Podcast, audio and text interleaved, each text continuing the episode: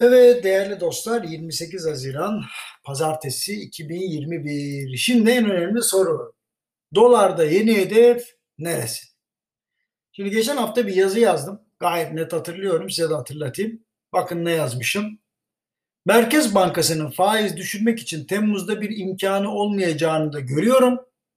Artırmama konusunda ısrar ederse bu sefer de piyasa faizleri ile politika faizleri arasındaki fark eski günlerde olduğu gibi açılacak. Sonuç olarak yine çok sert bir faiz artışı ardından da yine Merkez Bankası Başkanı değişimiyle karşı karşıya kalabiliriz. Bunu paylaştığımda bazı dostlar mesaj attı. Yok artık ya bir kere daha görevden alma olmaz dediler. Ancak bazı uluslararası finans kuruluşlarının da aynı riskin altını çizmesi ne oldu? İtirazları bir anda kesti. Şimdi Yabancılar söyleyince herkes dinliyor. Tuhaf bir şey. Eskiden bizde de şey vardı. Hükümete söylenemeyenler IMF'ye söyletilirdi. Gayet net hatırlıyorum. Demek ki Türk milleti kendi evinden ya da mahallesinden akıllı insan çıkmayacağına inandığı için hep yabancıyı dinliyor. Şimdi işin hikaye kısmını bir kenara bırakılırsa seslendirilen senaryo şu.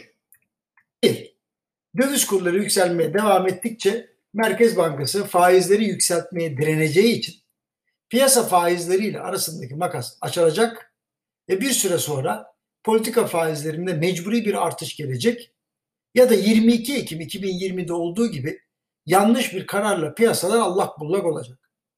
Dolayısıyla Merkez Bankası Başkanı ya hatalı karar verdiği için ya da faizleri yükseltmeye mecbur kaldığı için koltuğu bırakacak. Vallahi bunu ben demiyorum ha.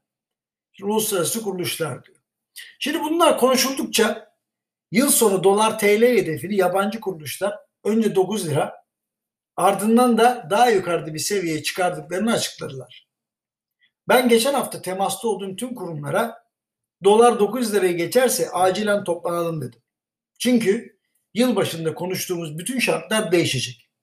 Bu sabah raporlarımı okuyan ya da dinleyen tüm firma yöneticilerine dolar TL 9'u geçince acil olarak toplanmalarını tavsiye ederim efendim. Haftaya böyle başlayayım. Ha bu arada Merkez Bankası faiz düşürür mü?